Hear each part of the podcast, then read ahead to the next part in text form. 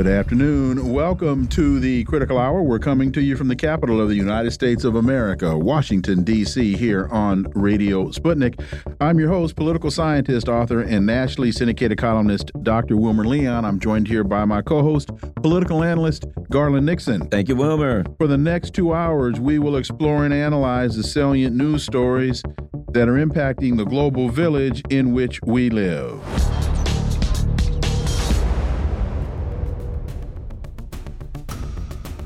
Sputnik International reports direct U.S. attack on Iran would open Pandora's box. Three U.S. soldiers were killed and 24 wounded in a drone attack over the weekend that is ramping up the pressure on President Joe Biden ahead of the 2024 elections. This is according to the U.S. press. Having groundlessly accused Tehran of masterminding a recent deadly drone bombing on U.S. personnel, Biden and his team are allegedly considering a covert strike on Iran or targeting Iranian officials. This is according to Bloomberg. For insight into this, let's turn to my first guest. He's managing editor at Covert Action Magazine. He's the author of five books on U.S. foreign policy, including Obama's Unending Wars. Jeremy Kuzmarov. Jeremy, welcome to the show. Thanks for having me.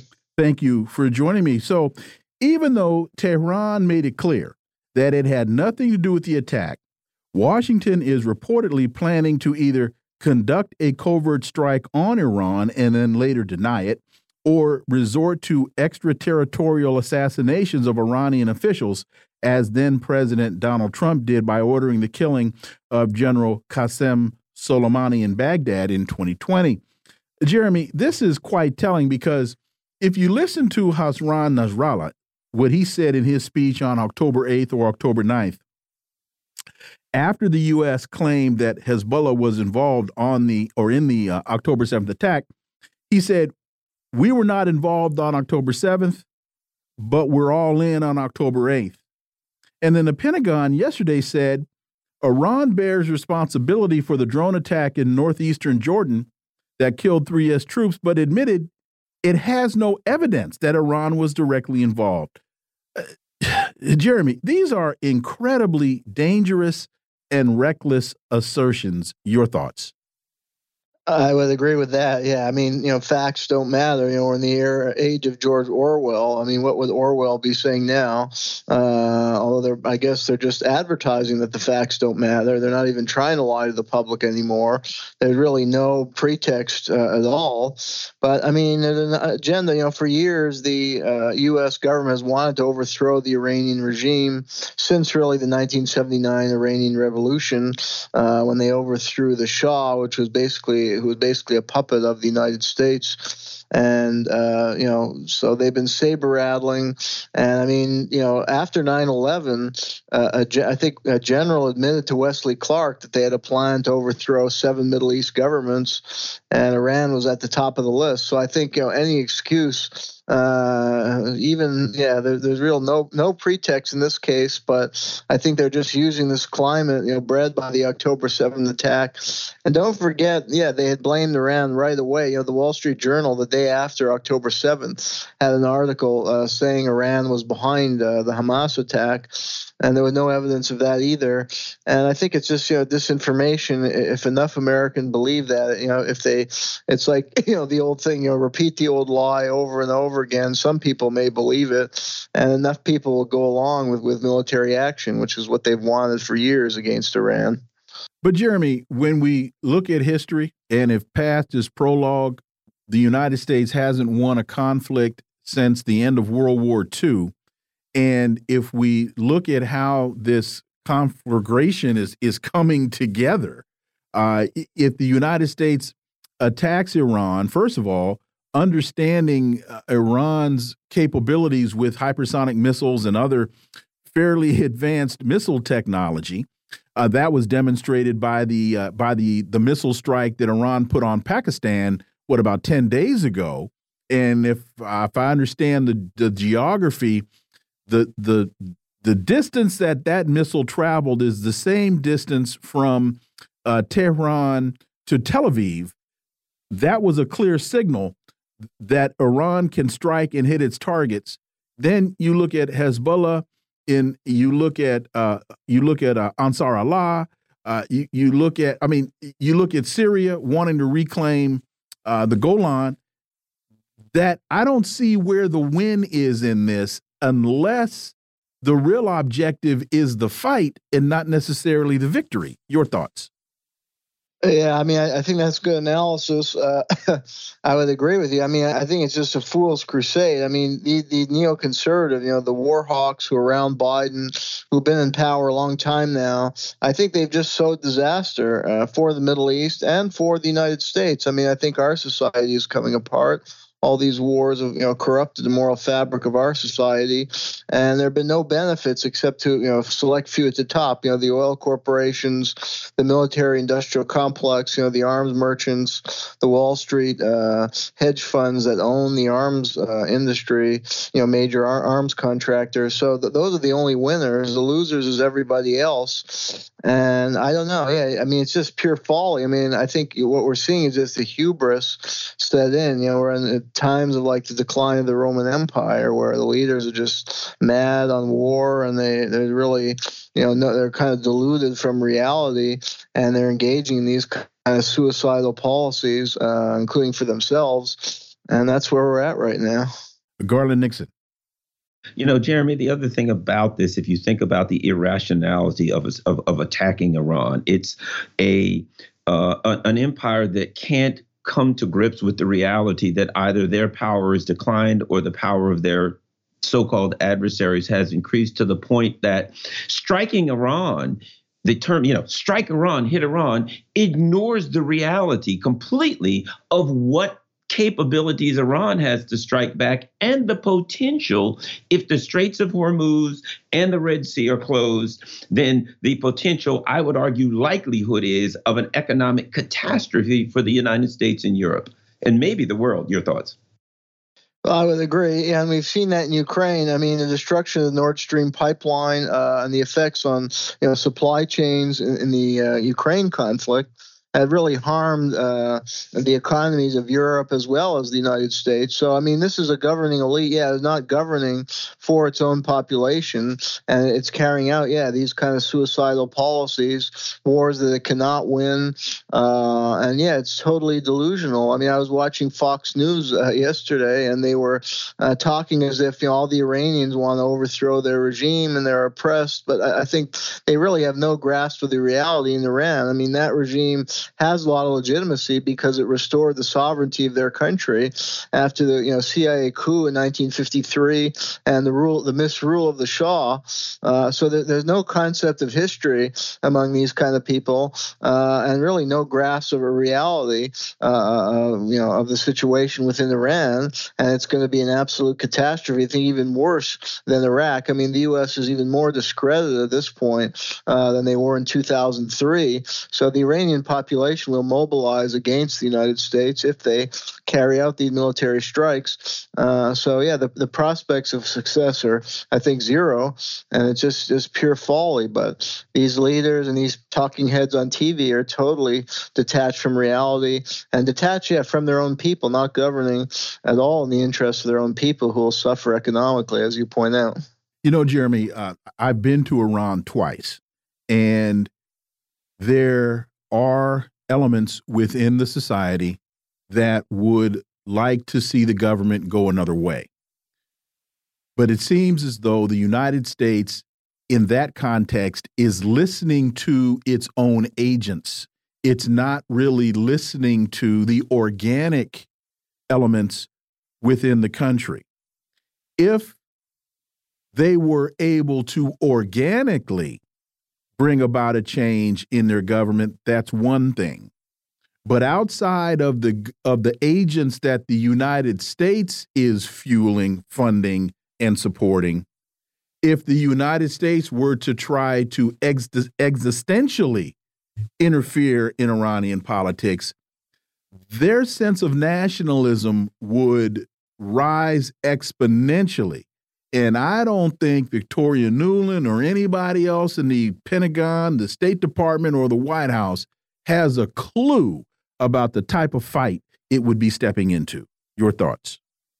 Yeah, I absolutely agree with you. Uh, I think, yeah, firstly, the, the U.S. and CIA in the past have supported you know, Mujahideen, Khalq, and uh, groups that are considered you know terrorist groups within Iran, certainly labeled as such by the Iranian government. I mean, that that's a pattern in the U.S. empire is to su- try and support disaffected minority groups, but they you know they may be a small minority in their own country and own society. I mean, we've seen this game play out in other conflicts, whether it's Vietnam. Uh, you know, they tried to support a Catholic minority, uh, and look how that turned out. You know, just turned out into a whole big mess. Uh, or they've supported like you know Montagnard in Vietnam or in, in uh, Nicaragua, the uh, Mosquito Indians. So, uh, you know, I think that's a modus operandi of U.S. empire and, and other empires as well, British, uh, French Empire, to support disaffected minorities. But you know, that may be again a tiny have tiny support or you know a small group within that society. And I fully fully agree with your point. A lot of the Iranian may have grievance. I mean, that's what we saw in Syria people did have legitimate grievances against the Assad government, but at the end of the day, you know, they see Assad as a representative of Iran, whatever his flaws. They're not going to support a foreign invasion or, uh, you know, basically, um, you know, groups that are they're in the pay of foreigners and are seen as traitors to their people. And the same thing would happen in the United States. We may complain about our government, but if a foreign power came in, people would rally uh, to defend the United States. So I, I fully agree with your assessment. You know, Jeremy, we're also hearing now from Victoria Nuland that the um, the, the U.S. forces are not going to withdraw from Syria, which means they'll continue to be targets there, and it also means that the U.S. is is uh, involved in an illegal occupation. So we've got twin occupations because the UN has ruled certainly that uh, Israel is involved in illegal multiple illegal occupations. Your thoughts on the doubling down in Syria? Um, uh, you know, even in the face of these attacks. Well, yeah, I think they're using this crisis, this climate of crisis, to rationalize sustaining what, as you correctly point out, is an illegal occupation of Syria. I mean, the U.S. would have had to have been invited by the Syrian government, which they were not, to have any legality behind their presence. And I mean, Donald Trump admitted that it was to steal the Syrian oil, and U.S. troop concentrations are right near the rich oil areas. Uh, and it's it's amazing they haven't invited more attacks. But I, I, think you know things are changing. We see, I think the winds have changed. I look at Iraq, you know, the, the U.S. soldiers were fa- uh, troops were facing attacks there, and now the negotiation with the government that's trying to push them out. And I think Assad, if he can stabilize his rule, the same thing will will happen in Syria. Uh, so I mean, I, I think uh, you know the legitimacy of the U.S. is just totally eroded, and I think it's only a matter of time before um, the U.S. will will will be pushed out. Your thoughts on the value of the land that and the the the the, prop, the, the area that the U.S. controls in terms of northeastern Syria's gas and oil production region. In terms of the U.S.'s oil production capabilities, do you have any insight into is the, is, is the land there that the U.S. is occupying is that really valuable and important from an oil and gas production perspective, or is it more from a a, a, a, a, a geopolitical perspective? Hopefully, that question makes sense. Yeah, that makes sense. I mean, I think in part it's the broader region. The U.S. wants to control the Middle East and its oil, and also doesn't want other power like China uh, coming in and being able to access the oil. Uh, so that's one big reason they, they want to stay there. I mean, that's the unstated reason. Uh, so I, I, think they're thinking of the big picture, and you know what they feed the public uh, is different from uh, what they're writing, you know, internally or discussing internally. and that you know usually comes out years later. That's why you know historians. Uh, by that point, point, you know, nobody cares that much except a few historians who go to the archives and they see how much they were lying to the public and what the real agenda was. Uh, in the Syria case, yeah, I think, I mean, I do think there is some value. Uh, there already were some uh, company that got contracts there, uh, and I think that area is particularly rich in oil. So it's it's really brazen economic imperialism, And you know, Trump was the only president who said that. He came out and said it when no one else would say uh, that it was uh, that. And I mean, I think there's evidence of their you know taking the oil, basically uh, stealing it, you know, taking it on trucks out, outside the country, uh, and they were doing that in Iraq as well. So th- there is an element of profiteering, and I think though there's also the big picture of wanting to control the entire region and, and keep rival power like China and Russia out. Jeremy Kuzmarov, thank you so much for your time. Greatly, greatly appreciate that analysis, and we look forward to having you back. My pleasure. I'll be happy to come back anytime. Thank you. Folks, you're listening to the Critical Hour on Radio Sputnik. I'm Wilmer Leon. I'm joined here by my co host, Garland Nixon. There's more on the other side. Stay tuned.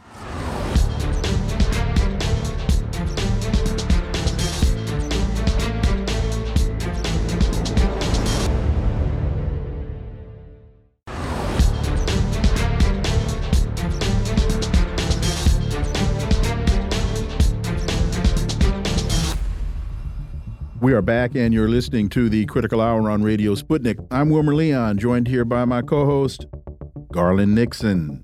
Thank you, Wilmer. Sputnik International reports West starts to understand that Ukraine project failing. Quote, the figures that are hidden in Ukraine, they speak a lot about how important it is for the West to prevent the quote unquote failure of their quote unquote Ukraine project. Moreover, they already understand that the failure has already begun, but nevertheless, they cannot stop. And not only for reasons of prestige, and also from the point of view of economic benefits.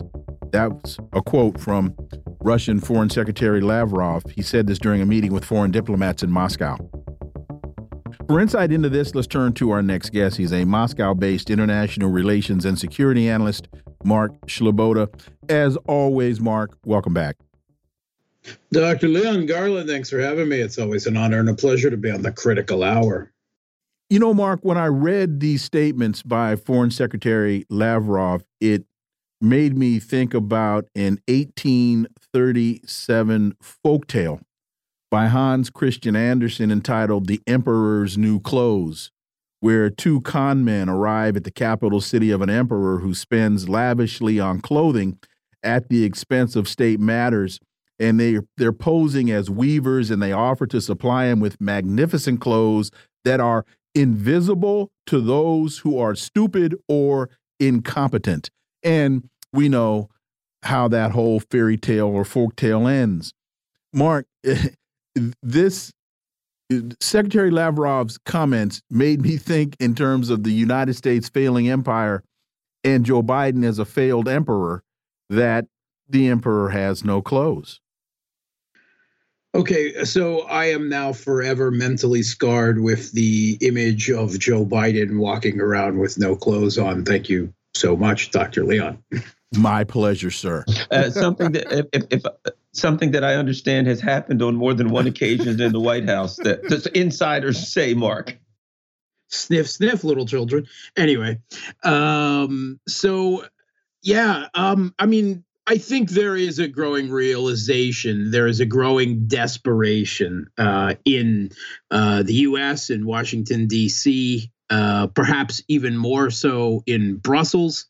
Uh, the EU's uh, uh, high foreign policy muckety muck, Joseph Borrell, uh, uh, quoted uh, saying, "There's no light at the end of the Ukrainian tunnel," which is, uh, you know, it was just a few months ago where he was um, extolling uh, the Kiev regime's impending victory and the defeat of Russia, um, and there, uh, part of that is due to the political speed bumps in getting continued financial and military aid that both uh, the U.S. and the EU is experiencing. But beyond that is is even more so the uh, military industrial realities of continuing to fight this proxy war of attrition against Russia, a land centric artillery heavy war of attrition that the US and uh, the larger entire NATO military industrial complex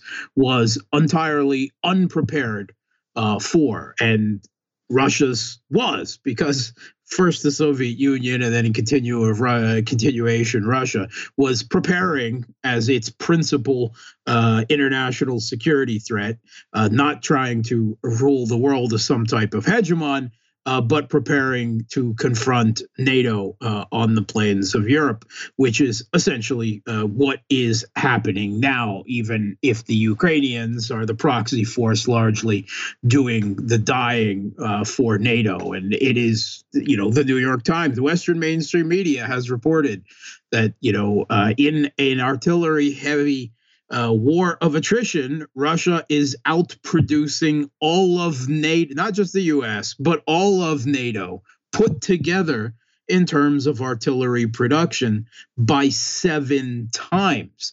And that is now being experienced very um, uh, literally on the battlefield. The Kiev regime is suffering extreme shell hunger. Um, there are reports, uh, War on the Rocks has a long form report out uh, Hold, Build, and Strike A Vision for Rebuilding Ukraine's Advantage in 2024 by Michael Kofman, Rob Lee, uh, and Dara Massicot. Uh, this is a fanciful piece, it must be said, but it acknowledges uh, things that we've also heard elsewhere in the Western mainstream media that Kiev regime forces right now, their, their artillery guns, where the, West, the Western artillery guns are still working, they're often limited to firing two or three artillery shells a day, or in other places, all they have left is smoke rounds, right? They not actual explosives, just smoke rounds, and this is leading to buckling of the Kiev regime's defensive lines.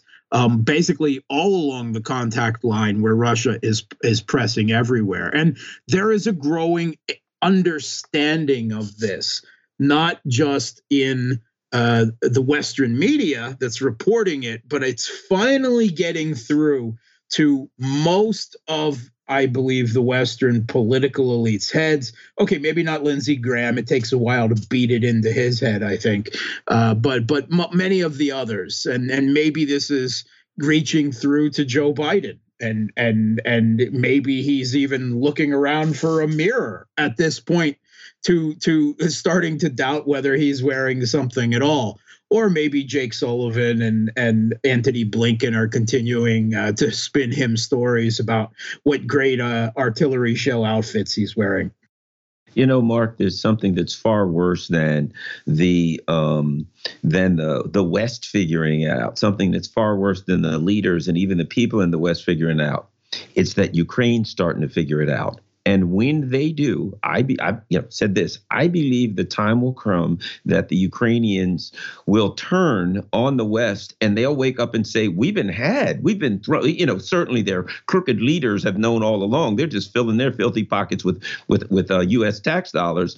But the people of Ukraine, I think, are going to at some point say, "We've been had." And when they do, I think they're going to be furious at the West and possibly want some kind of revenge. One other thing, and they got a lot of dirt on the leaders of the West that they can unload, Mark? Yeah, I, I, I don't.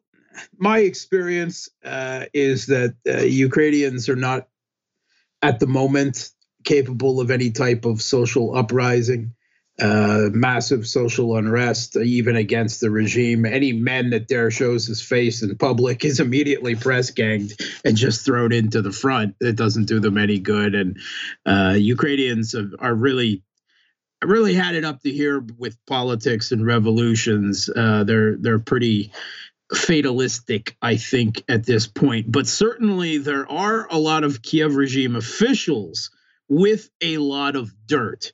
And uh, those rats are always going to be the first ones leaving the sinking ship. There was actually a report uh, this year about the number of uh, Kiev regime government officials speaking in the broad terms of government that were caught at the border trying to leave the country and it's in the thousands already. Uh, so uh, some of them will certainly be bringing not just some western loot but probably some western dirt with them. I, am fully uh, fully can see your suggestion that that is is somewhere in the future don't know if you can answer this question, and if not, this will be the first question I've asked you that you've not been able to answer.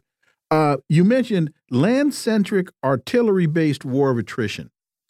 That sounds to me as though if the United States decides to attack Iran or start a fight with Iran, it would be a very similar type land centric, artillery based war of attrition. And from the reports I've read, Iran is very artillery and rocket based the same way Russia is.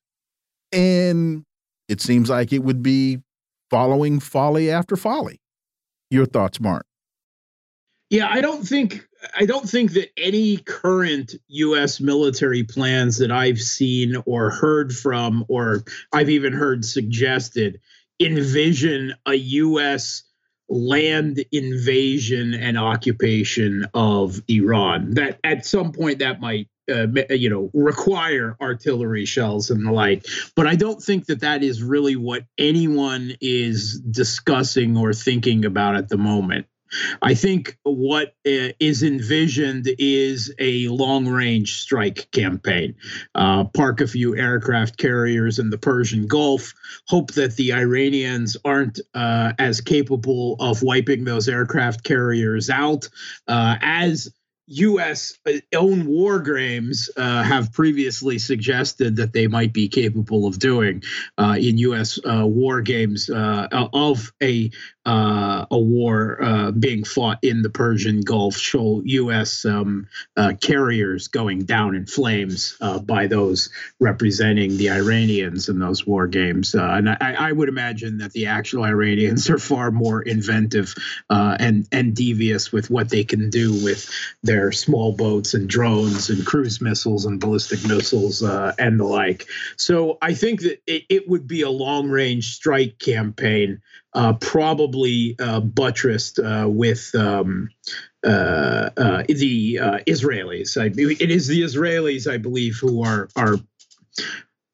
shall we say, the tail wagging the dog at this point, doing everything possible uh, with the uh, relative failure of their um, uh, military uh, campaign against uh, Hamas in Gaza. Um, uh, I mean, there are very different metrics, right? The the is, Israel set themselves the metric that they have to wipe Hamas out completely, whereas the metric for Hamas winning the conflict is they just have to survive. Mm-hmm. Uh, and right now, they're doing that by a very good measure. Uh, uh, but um, Israel is desperate uh, to expand the war to Hezbollah to drag the U.S. into it, and you know, uh, from what we've heard from the Biden administration, their plans for retaliation for the Iranian backed strikes, i.e., a local resistance to U.S. occupation forces in East Syria and Iraq, is they're considering striking Iran.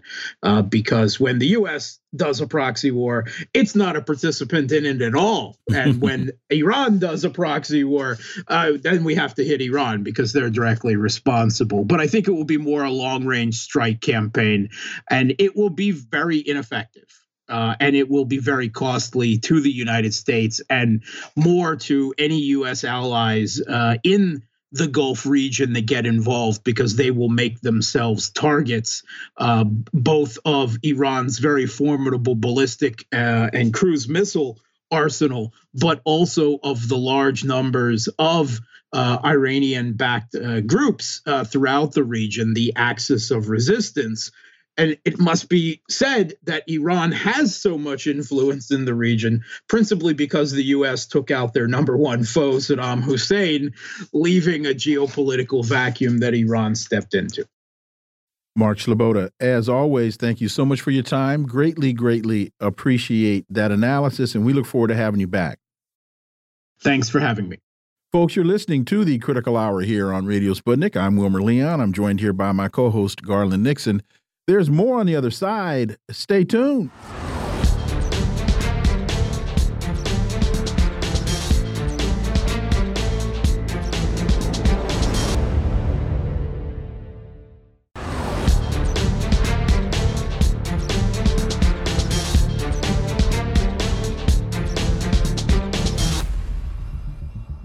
We are back, and you are listening to the Critical Hour on Radio Sputnik. I'm Wilmer Leon, joined here by my co host, Garland Nixon.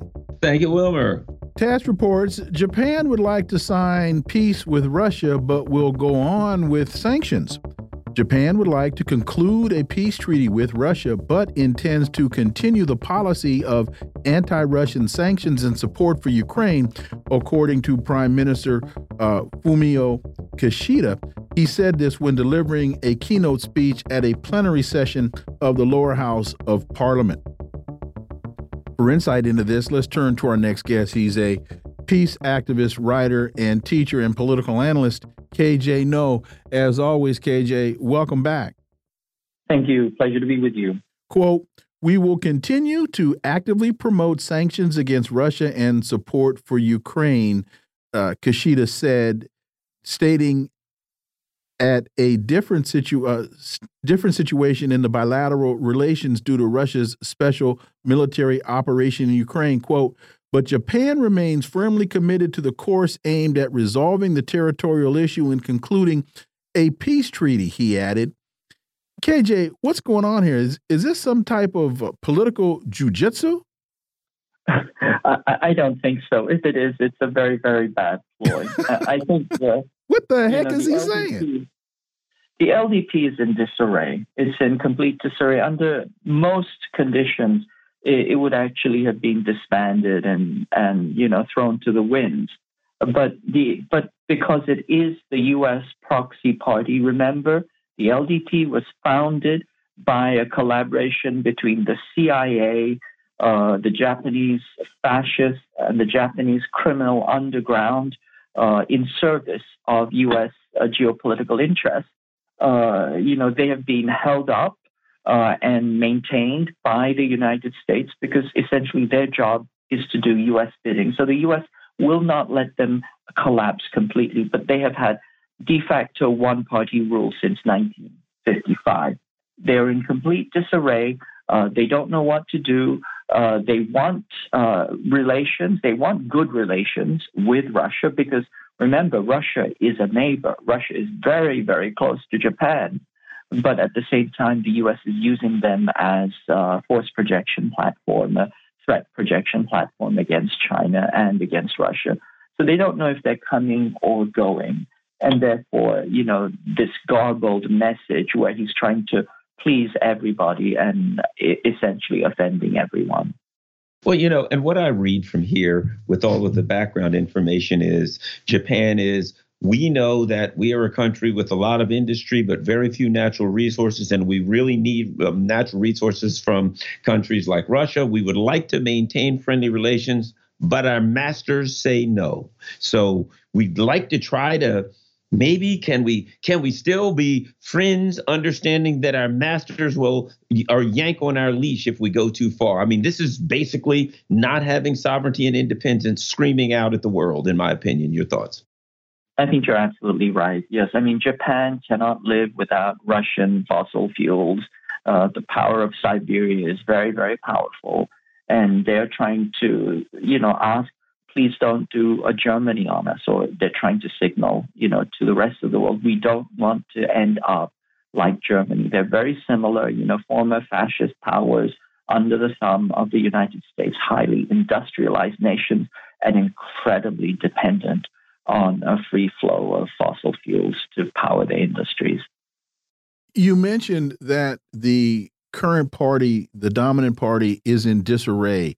And this could probably be a, a, a 400 page dissertation, but in two minutes, what is the source of the disarray? Is it that the party is no longer in the from the perspective of the people that the party is no longer representing the interests of the Japanese people, and the Japanese people have turned on the party, and the United States is there bolstering uh, that party, or are there internal conflicts within the party where individuals are, are vying for their own interests?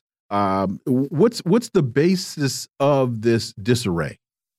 Well, it's the biggest scandal. It's the biggest corruption scandal uh, in in decades. Uh, essentially, uh, there was a group. The LDP is interesting because, like I said, it's a one party state essentially, but inside that one party, there are different factions. There's a faction that belongs to the uh, uh, the, that was supportive of the former Prime Minister Shinzo Abe, and they have been caught with their pants down, essentially, uh, you know, making free with the till. There was essentially massive corruption. They were helping themselves, you know, like bandits to uh, funding that was coming into the party. And now uh, they've uh, been caught. Uh, they're trying to, you know, uh, you know, get rid of a few scapegoats. But previously, if you had a corruption scandal uh, of this of this scale, it would bring down the entire administration as well as the party. And the fact that it's being propped up uh, like a dead man uh, shows that there's some very strong external influences that are trying to keep this going along until they can, uh, you know, uh, regroup and reconstitute this completely corrupt party. Once again, I emphasize the LDP is the party of military fascists, unrepentant militarists who got together with the Japanese criminal Yakuza class in service of the CIA. So is it a surprise that they've been caught with their hands in the till? Not at all. Will they survive this? Most likely. Is it foundationally delegitimizing? Under most situations and in most political uh, uh, administrations, it would be. But because there's so much geopolitical pressure right now, they will stumble through, and we will see more of the same, uh, you know, more of the same kind of you know, bad faith uh, posturing and propaganda and excuse making. Let me ask you this. In the comparisons with, between Germany and Japan, I have heard it said that Germany is a basically a a a a, a humiliated, one could say politically castrated com- uh, country. You know, wherein the people there just have have their heads hung. The United States has humiliated them in ways that are you know unimaginable, and they are not in the streets against that. They're just kind of dealing with it. Okay. What about Japan in that, you know, a lot of countries, if the government betrayed them, I mean, look what happened in the, what was it, 1980s when they basically threw their, their economy in the trash can at the behest of the US. Are the, is there a similar dynamic in Japan where the people will allow their leaders to just be puppets, humiliate the whole country and throw everything in the garbage because they've been so torn down after um, after World War II? I think that's pretty true. I mean, as I said, um, you know, it is a subjugated vassal state. It's surrendered. Uh, and in exchange for saving its life or saving the life of its war criminal, criminals, the Japanese essentially turned the country over to the United States. Uh, and, you know, they turned over their military secrets, their bio warfare secrets, uh, all of it was done in service of the United States. As I said, in 1955, you know, the Liberal Party and the Japan Democratic Party were put together in this kind of shotgun brokerage by the CIA. They were funded by the CIA. And actually, they were funded by the Moonies. The Moonies were uh, also very deeply involved, as well as uh, Taiwan province, the fascists on Taiwan province. So it was a kind of a, a you know, agglomeration of fascists that came together in the 1960s, there were massive, massive protests that almost brought down the government. And this, these were repressed, you know, with massive force, massive violence. And since then, I don't think that Japan has had really a powerful or functioning uh, opposition. Uh, you know, there was a very, very brief interlude when they had, you know, uh, a more progressive government, but that that uh, president was taken down immediately when he ran afoul of the United States. So once again, it's a quisling, it's a vassal, it does not have autonomy. As you pointed out, it will destroy its own economy to serve the United States. Uh, and uh, is there, you know, does it uh, is there resistance on the ground? Yes, but as is the case for most quote unquote Western democracies, uh, the vast majority of people have no influence uh, on the you know, workings of the government. These are just essentially show, uh, you know, these are essentially demonstrative uh, democracies that are just for show. You mentioned Japan turning over its secrets. Was it Japan that taught the U.S. how to waterboard, or was that the Philippines? Well, I think waterboarding is a very, very old tradition in the Western tradition. It goes back to dunking, which was how you tortured witches. Uh, but uh, I think that certainly the people involved in World War II, the Japanese who waterboarded, were hanged for torture. And then the U.S. replicated it. All of a sudden, okay. you know, it's not it's not an issue. So Asia Times has a piece as Pakistan pins murder for hire plots on India in pre election signal to Modi. Is their fragile peace at risk? Islamabad has vowed to publicize its investigations into 12 Indian sponsored assassinations that fit the pattern of cases in Canada and the U.S. How significant and serious is this uh, assassination discussion coming out of India? I think it's pretty serious. I mean, when you accuse another state of committing extrajudicial uh, assassinations on your territory, I mean, that is a very, very serious accusation. And I think it will escalate even further. I think the key thing to remember here is whatever relationship between India and Pakistan is a very, very fragile one. It is a very, very fragile cold peace, if you will. And uh, India and Pakistan have gone to war four times, uh, you know, since their inception. So these are things that could escalate very quickly. I see this, there's a little bit of, you know, follow the leader, tag along. Uh, that's happening because they see that India is weakened because Canada and the US have also made allegations. So they're seeing this as a good opportunity. Of course, you know, both sides have accused each other of uh, you know, stoking and fomenting terrorism on their territory and, you know, supporting assassinations. That's, you know, a kind of a mutual accusation that has been happening. But here, Pakistan sees an opportunity to press its advantage. And it also knows that India is in a weakened situation because it is currently in the doghouse among the Quad members. It hasn't quite gone along completely with the US designs for war against China and therefore it is being taken to the woodshed and being, you know, read the riot act part and all the mixed metaphors. But uh, Pakistan sees this as an opportunity to uh, to really press its own case against India. KJ Noh, as always, thank you so much for your time. Greatly, greatly appreciate that analysis, and we look forward to having you back. Thank you. Always a pleasure. Folks, you are listening to the Critical Hour here on Radio Sputnik. I'm Wilmer Leon. I'm joined here by my co host, Garland Nixon. There's more on the other side. Stay tuned.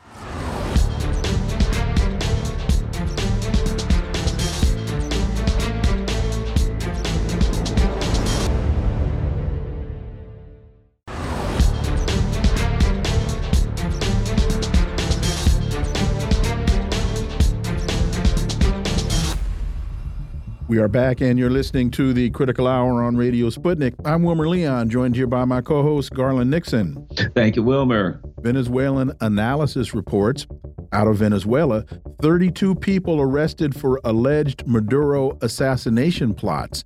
Venezuelan authorities have reportedly dismantled five operations to assault military units and kill political leaders with alleged U.S. support. For insight into this, let's turn to our next guest. He's a political analyst and editor at Venezuelanalysis, Ricardo Vaz. As always, Ricardo, welcome back. So, as we work to bring uh, Ricardo up, uh, Venezuelan Attorney General uh, Tarek William Saab announced that multiple individuals have detained have been detained for alleged roles in five dismantled violent plots, including a plan to assassinate President Maduro.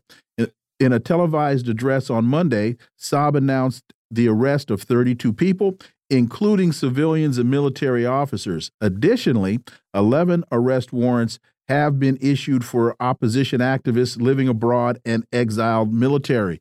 Ricardo, your thoughts? What's going on in Venezuela now, especially with this uh, these uncovered plots that are allegedly tied to the United States? Ricardo Vaz.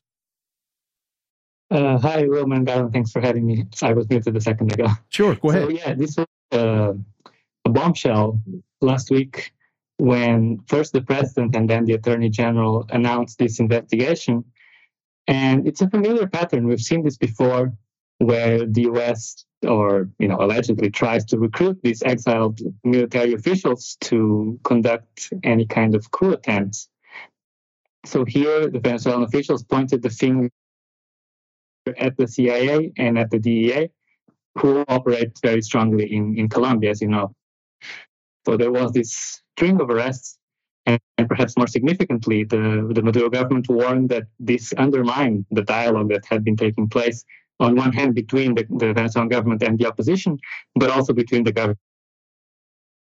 So what what uh, Maduro and other officials said is, you know, h- how can we negotiate in good faith when there are all these violent plots taking place behind the scenes? You know, Ricardo, in light of things that have happened recently, and I've been saying that, you know, that I believe that more countries should go to the ICJ. Um, what are your thoughts on, you know, the this is a this is a you know a clear violation of international law, a clear crime. What do you think of uh, the you know the possibility that countries like Venezuela will now put together a case? They have um, witnesses that can give them, you know, information that they can take before the ICJ. They have a history. They have John Bolton writing, basically coming out admitting that he was involved in a plot against Venezuela when he was a member of the Trump administration. What do you think about the possibilities or the chances of people starting to, to go to the ICJ on uh, the U.S. for these types of crimes?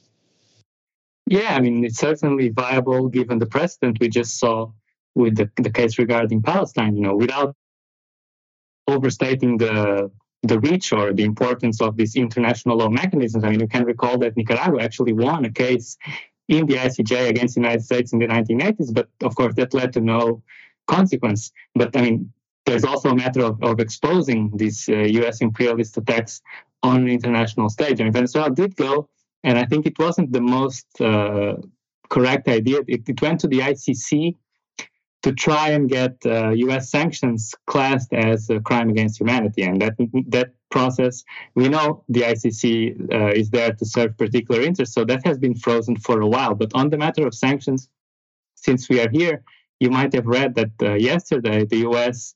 reimposed sanctions that it had lifted in in October. You know, uh, there was this small. Uh, limited progress, which included a license for allowing Venezuela's gold sector to again uh, operate in, the international markets and export gold and other minerals. And now that license was revoked because the US wants this uh, particular fascist candidate to be allowed to run in the upcoming elections. And the Supreme Court found, with very good reason, I would add, that she should not be eligible. I want to connect what we're just talking about to another story written by a great writer in Venezuelanalysis, uh, the story is Supreme Court denies Marina Corona, I'm sorry, uh, Corina Machado appeal, ratifies political ban. The Venezuelan opposition is at a crossroads with the far right leader barred from running in this year's elections. This is a story written by Ricardo Vaz. Uh, can are there any ties between this story and the coup story that we've just discussed? And what what has the has the government presented publicly any evidence uh, to support its claims of particularly U.S. involvement in these in these coups that it uncovered? Yeah, so the connection to the U.S. so far is is more uh, a claim than actual uh, factual evidence. But of course, Venezuelan authorities always release these in in packets, you know, to to not overwhelm the the, the public opinion. But in this case, uh, the key for, for the most significant of those plots was the arrest of uh, an exiled military official. That's always the key. These very uh, extremist military officials who believe they can they can stage a coup, and he doesn't have uh, alleged ties directly to Maria Corina Machado, but to a number of other uh, political operators abroad who are very close to her. So you know, there's always plausible deniability, but you know, you, you can see the pattern seen this before. And here in this case, uh, just to go back, there was this dialogue and the opposition. And one of the things they agreed to was to create a procedure allowing these candidates with political bans to appeal them before the Supreme Court. And Machado filed an appeal. I mean, first she said she didn't have to file anything because she wasn't banned, and then the U.S. kind of pressured her, and she flip flopped and filed an appeal. But you know, her her case is, is as crystal clear as it can get. I mean, this agreement to review the cases establishes that you know candidates have uh, a minimum commitment to defend the country's sovereignty, to not support not support foreign powers, and she uh, she can be disqualified on any of those counts. So basically, now, uh, as I, as I as I wrote in the introduction of that article, the, the opposition has a choice to make because kind of went down this extremist extremist path with her. Now she's barred from running, you know, no matter what the US wants to say. So they have to decide whether they, they want to choose an actual candidate who, who is allowed to run or whether they're just gonna double down and, and want and ask Washington to impose more sanction again, abstain from election and just a victory to Maduro. What's interesting about this is the contradiction in that here is a person who, let's face it, the numbers don't look good for her winning in um, in Venezuela by any stretch of the imagination. Okay. Meanwhile, in the United States, they're arguing that the candidate that right now, kind of cut and dried, if there was a race tomorrow, he'd win Donald Trump. So they're trying to say Trump was involved in January 6th. They're arguing that it was an insurrection. They're arguing he needs to be in jail, trying to throw him. So the arguments that they're making against Donald Trump right now, against a candidate in their own country, saying this candidate shouldn't be allowed to run, yet someone in another country who clearly beyond a reasonable doubt to a moral certainty was involved with the United States in trying to not just overturn the election, trying to overturn the entire government, but they're saying to that country, you should be this person should be able to run. Your thoughts, Ricardo, about this contradiction and hypocrisy? It's very, it's very blatant, but it also it goes to show how uh, weakened and uh, disunited the Venezuelan opposition is that they just can't find anyone suitable to run so here comes Maria Corina Machado, who has always struck to, struck this very extremist line, and so for that reason, she she she can be seen as someone coherent, and because of a lack of alternative, the other forces, you know, with U.S. pushing, were more or less forced to line behind her. But I mean, as you were saying, the contradiction, I mean, it, it, it's beyond the double standard because you know Trump. I mean, he should be investigated and face charges for whatever he's responsible for. But this was something that uh, Venezuelan National Assembly President Jorge Rodriguez said when, when Brian Nichols from the State Department uh, issued some some statement. He said, you know, what would happen in the U.S. if a, can- a presidential candidate candidate openly called on Russia and China to stage a foreign invasion? I mean, it, it, wouldn't be even a question of the of the person being allowed to run. They they would be imprisoned. So why the U.S. thinks that you know their support means a, proverbial get out of jail jail free card for anyone is is just a a show of their imperial arrogance, in my opinion. As we as we wrap this up, as I read this story and the Supreme Court denying Maria Corina Machado uh, to uh, denying her her right to run, I, it made me wonder where's Juan Guaido these days, and and and does he fit into any of this conversation? We got about a minute and a half left.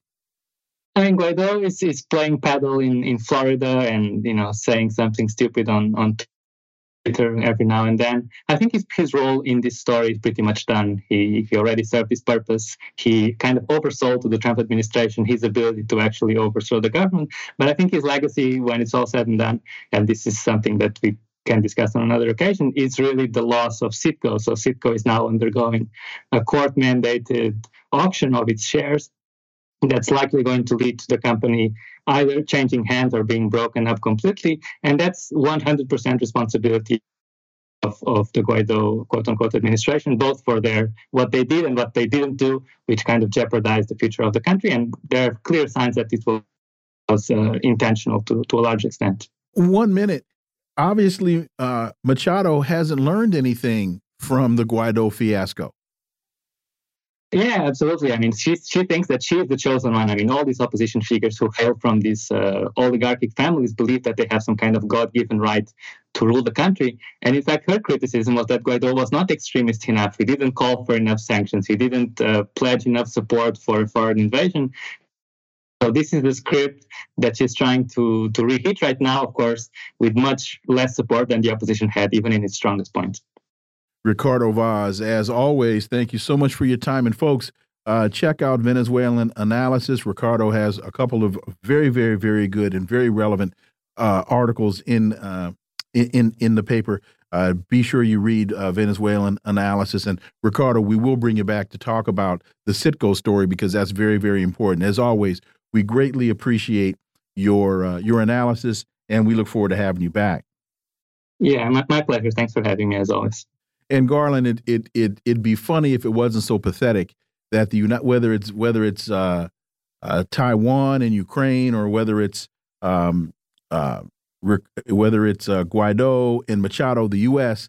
can always seem to find some lapdog to uh, to do its bidding and they are trying to claim that we're um, negotiating in good faith at exactly the same time we're trying to overthrow their country. Folks, you're listening to the Critical Hour here on Radio Sputnik. I'm Wilmer Leon, joined here by my co host, Garland Nixon. There's another hour on the other side. Stay tuned.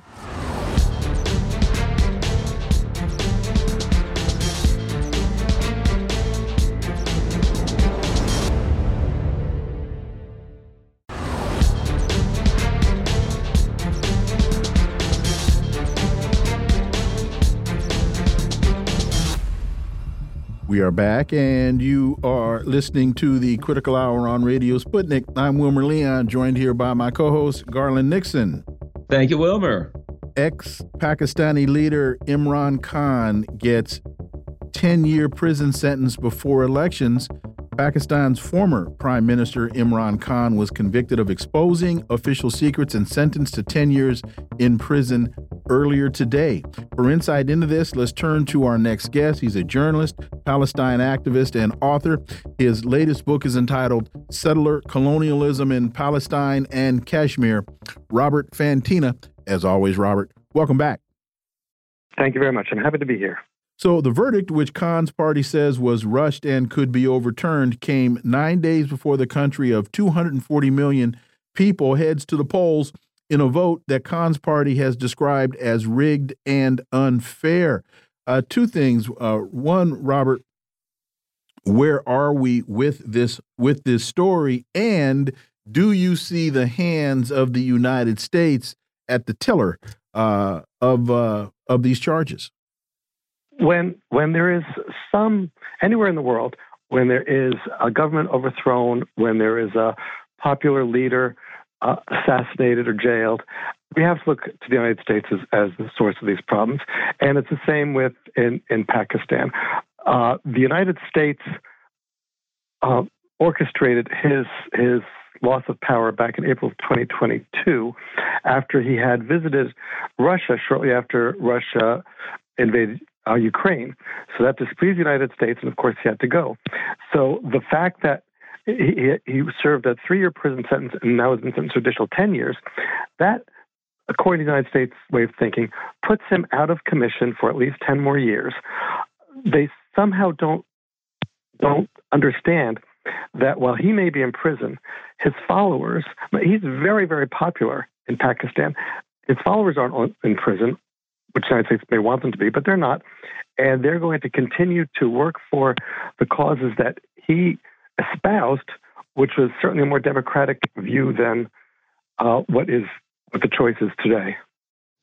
The interesting thing, Robert, is this that they even have the unmitigated gall in the Washington Post to put in here about the accusations. The accusation centered on Khan having, in early 2022, publicized details of a secret diplomatic cable that the former prime minister said proved the United States was behind efforts to oust him. So the U.S. overthrew the government ousted this guy. He comes up with the documents. Hey, here's evidence that they uh, ousted him. And they're like, oh, well, those are uh, secret things that the government has that nobody should ever see. You got to go to jail for 10 years, which means that ultimately this was all the U.S. government operation. And I think now, when we look at the moves of Pakistan, we have to look at Pakistan's moves through the context of a Germany or Japan or, or South Korea or one of the other puppet vassal states. Your thoughts, Robert? And also, yeah, I, I, think also, Robert, quickly, I, I think to, to what Garland just articulated, that sounds an awful lot like Julian Assange.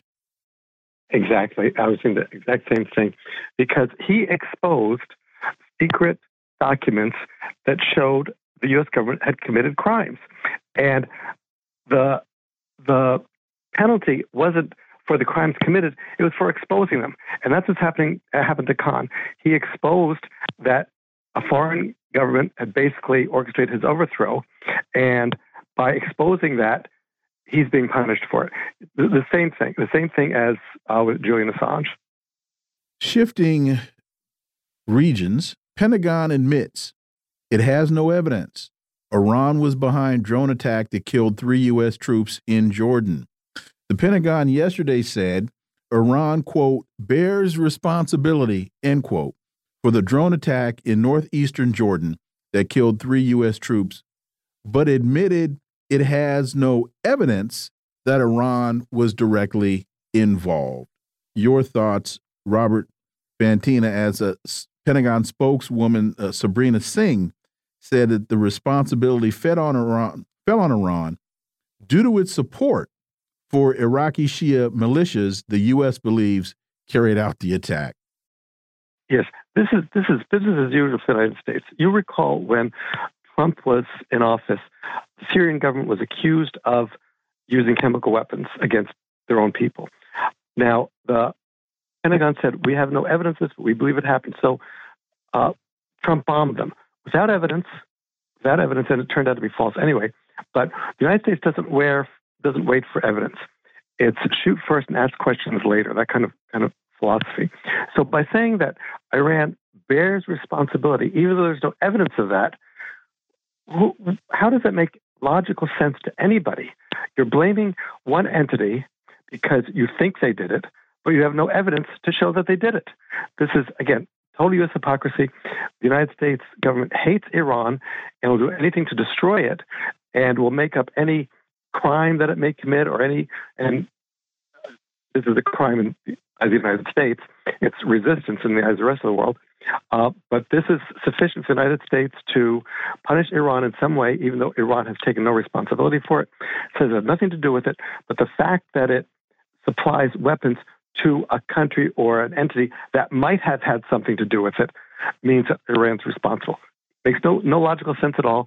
Would not stand up in a court of law in the United States, but internationally, the United States is going to go with it. Hey, Garland, can I can I add one more corollary here? And I, I know you all discussed it yesterday, where Nancy Pelosi uh, claims that some protesters are calling uh, for that are pro-Palestinian are are connected to Russia. It's it's a very similar mindset, Garland Nixon. Well, let's add this, since uh, uh you know when, when when we talk about Russia. So, if I follow this line of reasoning, if Iran supplied weapons and trainings to someone and they attacked United States troops, then Iran is culpable. If the United States supplies money, weapons, training, targeting, everything, uh, political, uh, uh, diplomatic cover for Ukraine to attack Russia, the United States is not a belligerent to the to the uh, to the conflict. Robert. That's a perfect example of total hypocrisy. And look at another example. The United States is supplying Israel with everything it needs to commit genocide against the uh, the people of Gaza, the Palestinians in Gaza, but takes no responsibility for. So it's very selective who the United States uh, who the United States holds responsible for anything and how they hold them responsible. Uh, international law only applies to the United States if it suits the United States' purposes. But in general, uh, it doesn't, and the United States feels free to ignore it. But this, the example you gave, is is just hypocrisy of the United States, which we see we're seeing in the situation with Iran now, with uh, Israel Palestine. We see it repeatedly uh, re- repeated throughout history, and it doesn't look like it's going to stop anytime soon. And just quickly unpack the reference to Iranian backed militias because that that reference gets bantied about quite a bit. Just uh, you know, Lottie Dottie and everybody seems to be tied to an Iran-backed militia. It might have been Iran backed militias that kidnapped the Lindbergh baby. It might have been Iran backed militias that uh, disappeared uh, Jimmy Hoffa. Uh, you know, we can we can put Iran backed militias. They're involved in a lot of things. According to the United States, they are. They're involved in everything that opposes U.S. Uh, uh, imperialism around the world. And certainly, Iran has treaties and agreements with uh, Lebanon and Syria and other countries, which it has every right to do. The people of the government of Iran has every right to establish economic and military uh, and other kinds of alliances with with nations that are friendly to it. Uh, but when when Israel is bombing Gaza, we don't hear uh, the U.S.-backed IDF is committing genocide, but it's the same thing. The United States wants to tie in the minds of the people Iran to anything it sees as negative. So that's why we have Iran-backed whatever, and, and, and you know constantly being spoken by U.S. government officials. And Robert, here's the other side of it. The U.S. is doing all of this stuff, pretending as though they're bullies and they're going to do this and they're going to hold Iran accountable and they're going to then come in and punch Iran. That ignores ignores something. Iran is extremely powerful in that region. The United States has to project power all the way across the world with a bunch of, we'll call them targets, they call them naval ships. So even as they pretend to build up this case of why they have a right to strike Iran, they better be darn careful because if they get what they want, it could be catastrophic and most likely would be for the U.S. economy. And of course, it would likely be catastrophic if Iran so choose to, so chose to strike back with all of their might, it would be catastrophic for U.S. military personnel in the region. Only three now. But if they attack Iran, uh, Iran that three could turn into 3,000. Uh, Robert. Easily. And when you consider that uh, Hezbollah might become involved, uh, Yemen may become more deeply involved, uh, Syria, this Joe Biden, who is, is certainly not, not qualified to be hold any office, let alone president of the United States, uh, if he decides to bomb Iran after saying he doesn't want to expand the war in the Middle East, we have to be careful not to expand it, he would be doing just that.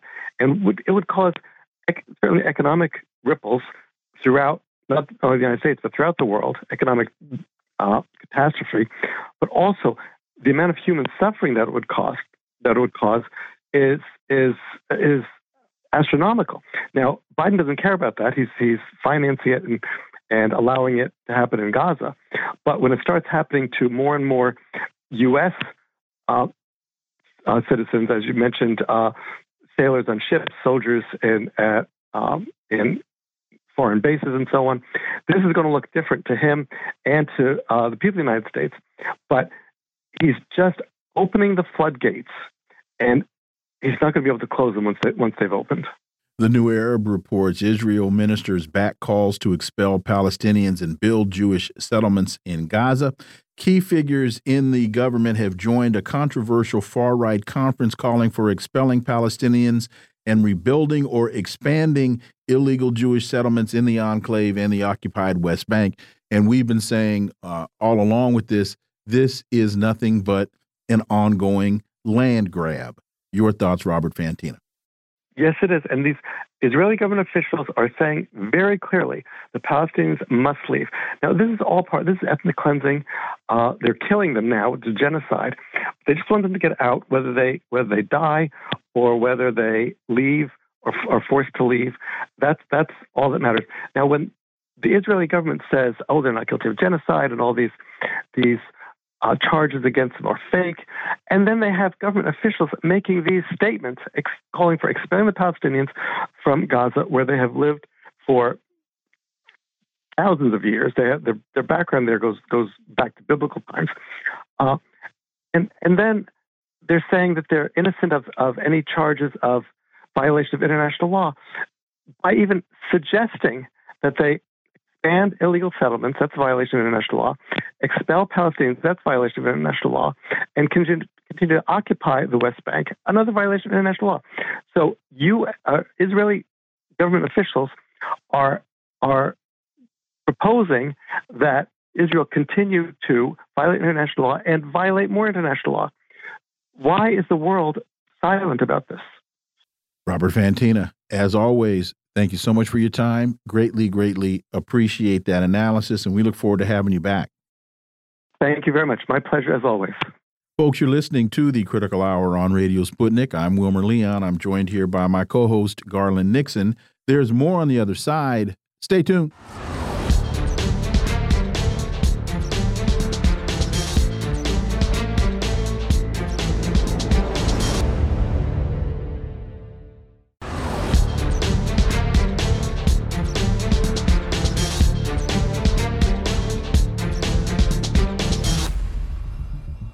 We are back, and you're listening to the Critical Hour on Radio Sputnik. I'm Wilmer Leon, joined here by my co host, Garland Nixon. Thank you, Wilmer. Consortium News has a piece by Joe Lauria entitled A Radically Different World Since Assange's Indictment. The Assange case is a centerpiece of an emerging global challenge to U.S. dominance that did not exist in 2010 when the U.S. began its legal pursuit of the publisher, says Joe Lauria. For insight into this, we turn to our next guest. He's an independent and investigative journalist and author of three books The Frozen Republic, The Velvet Coup, and America's Undeclared War, Daniel Lazare. As always, Dan, welcome back. Thanks for having me. So, Lauria continues The world has changed dramatically since the U.S. began its legal pursuit of WikiLeaks publisher Julian Assange, bringing new risks to the U.S if it persists in pursuing him to the end. The geostrategic situation and the state of the media are today nearly unrecognizable from 2010 when the U.S. impaneled a grand jury to indict Assange. Conditions have changed significantly since even 2019 when he was dragged from the embassy and the indictment was unveiled. Your thoughts, Daniel Lazare? Yeah, I think he's correct. I think the uh, that certainly things have changed dramatically over the last 14 or 15 years. Uh, there's uh, the security atmosphere is much more oppressive. There's much more manipulation of information, um, and uh, and the world um, is kind of on. It's it's moving towards a war footing. It's not there yet, but it's definitely heading in that direction. Mean, we have so much conflict in the world. Uh, the Ukraine uh, Gaza, obviously, the Red Sea, uh, China. Um, and the administration is gearing up for more conflict. And as it does, it aims to control the flow of information.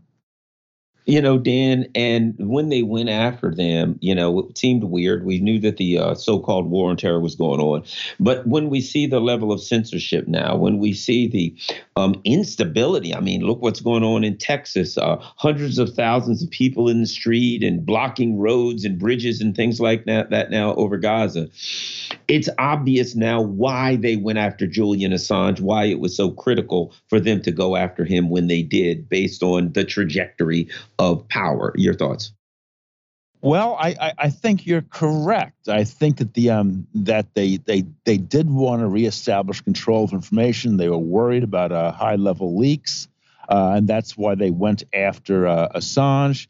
And I think that what's happened since then. I mean, I don't know. The, the, the question of causation is a bit difficult to tease apart, but uh, but there's definitely they have definitely moved to reestablish the control of information and to and to reestablish the manipulation of information. I mean, we saw that you know in, in spades during the whole RussiaGate es, uh, um, escapade, um, but we also saw it around in 2011, 2012 uh, around the Syria civil war as well, where I saw the most outrageous manipulation of information uh, by governments that was coordinated with the, uh, the corporate press. And I think we're seeing more of this. Um, I mean, essentially, the corporate press does what the government wants it to do. Uh, it manipulates information, and the uh, the people are left badly misinformed. And ironically, this, this occurs even as the corporate press raises a, a hue and cry over disinformation. But it's not only the corporate press, it, it's even the FBI. And I'm going to tie this story from uh, from a couple days ago where Nancy Pelosi is accusing protesters that are demanding a Gaza ceasefire being tied to Russia. She says, for them, so so what she's saying is that um, that uh, protesters calling some protesters calling for a ceasefire could be linked to Russia, and she's urging the FBI to investigate.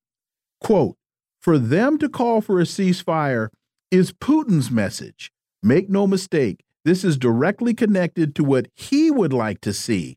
Same thing with Ukraine. It's about Putin's message. I think some of these protesters are spontaneous and organic and sincere. Some, I think, are connected to Russia. And I say that having looked at this for a long time. So even if we were to accept the dominant American narrative about President Putin, a broken clock is right twice a day. So being in opposition to genocide is transcends political party, transcends political ideology. It is all about humans and and being a human. Dan Lazare. Yeah, I mean, yes. I mean, I'm not, I'm not, a, I'm not a, I'm not a Putinite. I'm not a Putin fan. I think there's, there's, uh, there's plenty, plenty, plenty wrong with Putin. Uh, but you're correct. I mean, the, the demonization of Putin has been a remarkable development. Uh, it's been this at the center of U.S. propaganda since 2000. Uh, I'd say 2012, 2011 or 12. Um, and what makes uh, makes um, uh, Nancy Pelosi's uh, statement so dangerous is that essentially the FBI did her bidding between 2017 and 2021. In other words, it pulled up all stops in an effort to sort of tie uh, Vladimir Putin and Russia to domestic political controversies here in the U.S. and, and to accuse him of somehow manipulating and causing those controversies. And as I said before, the, the ironic thing is that is that even as the U.S. accused Putin of manipulating controversy, the U.S. was doing the same thing itself, manipulating information, controlling it, uh, and and shaping it to its own advantage. You know, Dan, and and this is important too because as you know, you've had the uh, the FBI knock on your door because you were writing for strategic culture and try to play the game with you. Well, we'll just drag Dan away. I mean, you know, you never know what they're go- what's going to happen. We look at what's happening right now. The Uhuru, uh, Uhuru, it's a socialist group which of course has to be hated. But here's a group that goes around building basketball courts in poor black neighborhoods. They had another project where when black men got out or when black people got out of prison, they had this kitchen and they would teach them culinary skills and try to find them jobs as cooks. They were doing stuff like that. But oh, wait a minute. They are uh, uh, basically, you could argue they were pro-Russian or anti-imperialist, whatever. So now they're about to go to court. They're trying to throw these people in jail. So average commoners, regular old people, are getting the brunt of these kinds of accusations of uh, from Pelosi, and they're real in the physical world now. Your thoughts? Yes, absolutely, absolutely. The um, uh, you know, so so this the the Uhuru group. Uh, I mean, essentially, there it was an it was in talks with Russia. There was uh, there there was they thought there was certain common ground. They were having fraternal discussions, uh, and that's it. But you know, do you have any idea of how many political actors in the U.S. engage in in identical conversations with the Israeli government? I mean, the Israeli government engages in extensive consultations at all level of U.S. politics. I mean, are we going to throw those people in jail? Are we going to charge them because they've been they've been in contact with the Israeli embassy or the or the Israeli government in uh, in in uh, in Jerusalem? Uh, it's it's utterly insane, uh, and it, it's and it's insane for it's insane for two reasons. Number one, if it's carried to the absolute limit, it'll lead to a complete isolation of the U.S. in political and, and intellectual terms. But number two, if it's not, it then lends itself to to open manipulation, where you go after people for for consulting with the wrong governments, coordinating with the wrong governments, and you never make clear what those wrong governments are. So there's a dramatic chilling effect. Uh, and Nan- that makes Nancy Pelosi's statement so dangerous. If, if pro Palestinian demonstrators are accused of being in league with Russia, then they are open to prosecution under the Uhuru precedent. You know, when I when I listened to uh, Pelosi's statements, this had to me this has Democrats positioning anti-Trump narrative written all over it. In in that, we know RussiaGate, we know the the the fallacy behind that whole narrative, but it seems as though this they are trying now to to uh, create RussiaGate 2.0, and I can only see that you know once Trump finishes his uh, once Trump gets out of court and seriously gets on the campaign trail, that we're going to hear a lot more of this tying these narratives to Russia uh, and either directly or indirectly inferring that uh, that Trump is tied into this as well. I think you will, but I think also I would I must add that I, I don't think it'll work a second time around. I oh, think correct. the act is is really stale at this point. People will see through it. It'll come across as a real, as really a pathetic effort uh, at, at self justification. I, I think Democrats are panicking. I mean, they're the only weapon they have left is Taylor Swift. But uh, but uh, but uh, that that seems to be it. They really are running on empty. Uh, and I think that the way things are going is that Trump is really surging and is really has Biden on the run. Uh, well, and you know, here's the thing: if you look at it and you talk to people, because I, it's what I say. I talk to people who tell me I don't like Trump, I can't stand him, I hate him, blah blah blah, and then they say they're going to vote for him. So basically, the Democrats have made it's like when they say that. I'm literally hearing people say that they're voting for Trump because he's the lesser of two evils. By right now, I don't know if you saw it. I think Joy Reid was caught on camera. Joy Reid, of all people, on a hot mic saying basically, there goes Biden starting another war. She may be in line voting for Trump, for God's sake. They're in big trouble, Dan. Well, I think the I think the, the military situation is, is really scary. Uh, it's escalating. Uh, I mean, the, the death of these three American soldiers in uh, in Al Tanf in, uh, in Jordan is, uh, you know, is uh, could be the start of something really big. We have no idea what the Biden administration will do, but uh, but there's uh, Joe Biden is under intense pressure to to engage in a show of strength.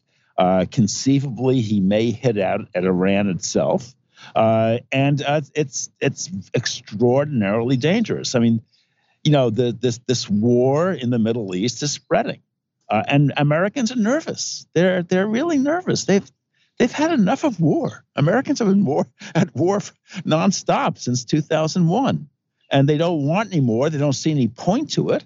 Their own society is doing very badly, and they just are beginning to wonder where this is going, and they don't have any trust in this obviously decrepit 80 year old man who was completely out of it to respond to these the situation in a in a in a halfway intelligent way. You know, Dan, to your point, as we get out, my son will be 22 years old at the end of this month, and he has not known a day of peace in his entire life. Are you ready to send him off to war? Uh, well, he we had that conversation. In a place in the map, in a place in the map you can barely find. The Al is in the middle of some some empty wasteland of a desert. Do you want him to go there and be and be killed by some some drone from nobody even knows where it comes from? This is asinine. He was about seven years old having a conversation with his mother, and he said, "Mommy, do generals get shot too?" And my wife said, "Well, actually, they do." He said, "I'm not going." So, so the answer to your question is no. Daniel Lazare as always, thank you so much for your time.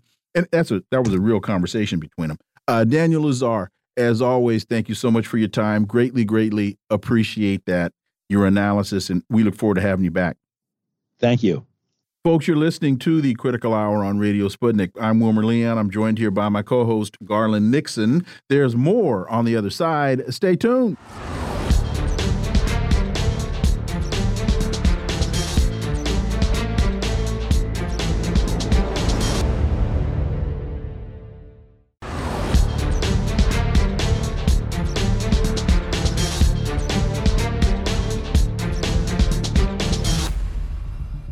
We are back, and you're listening to the Critical Hour on Radio Sputnik. I'm Wilmer Leon, joined here by my co host, Garland Nixon. Thank you, Wilmer.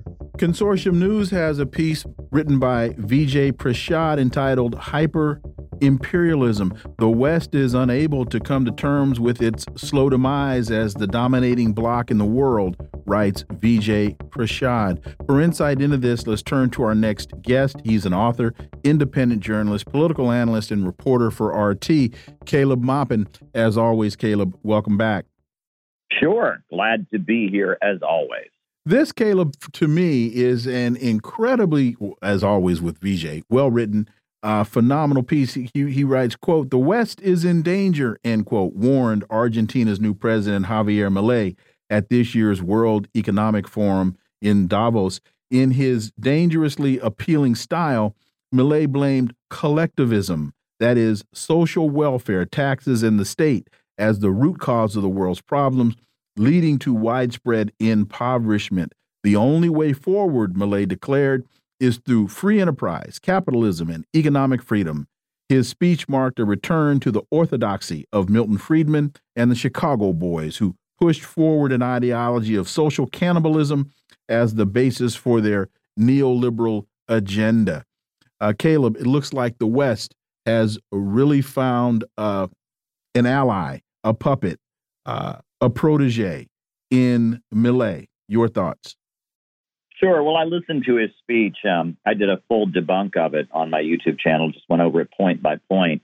Um, what I found to be shocking about the speech was there were just a number of bluffs in it, um, a number of things that are just factually not true according to basic economic data, but conforms with the overall free market, pro capitalist narrative we all get in Economics 101 uh, and so he said them and no one questioned them. For example, he claimed that uh, it was capitalism that was responsible for lifting people out of poverty. Well, we all know that the biggest uh, poverty alleviation in the world has been achieved by the Chinese Communist Party, right? I mean, they've lifted 800 million people out of poverty within China itself.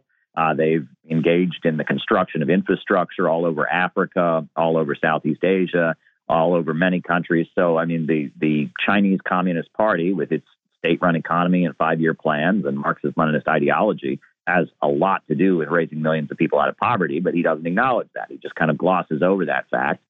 Um, and there are many other things in the speech that were just uh, inaccurate. Um, you know, and I mean, he he took advantage of the fact that many people, uh, you know, they have this kind of pro free market bias, and there's, you know, even when socialism is presented as an alternative, we never really hear anyone that will defend the legacy of existing socialist countries or their economic achievements.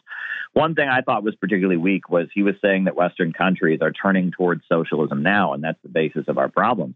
But really, since the 1980s, since the late 70s, uh, we've been you know, destroying the welfare state. I mean, here in the United States, we've been deregulating. We have schools for profit because it's always better to have a private corporation run it. We've got charter schools. We got private military contractors. Again, that's Milton Friedman. It's always better to have a private com- company do it. So we got private corporations fighting our wars. We got prisons for profit in multiple states. Uh, the idea that we're moving towards socialism in the West is just just absurd. We're gutting the welfare state. Uh, we are deregulating, privatizing the public sector. You know, all the infrastructure in the Western countries, especially the United States, the roads, uh, the bridges, the highways, is all under repaired and underfunded. Uh, we're not moving towards socialism by any means. We're moving toward free market neoliberal policies. Uh, the kind of policies he advocates, the kind of policies we've been implementing here in the United States for the last several decades. Uh, so, I mean, he's just delusional to blame the problems of the West on socialism. Well, and um, even militarily speaking, you know, as Vijay says, that the, the problem is the West, the U.S. empire, is unable to come to terms with its slow demise as the dominating bloc in the world. If you look at what's happening right now in the Middle East, you know, Israel, we were told, is the fourth most powerful army in the world, and they got pummeled by a bunch of people with small arms who just had an attitude of anger and resistance.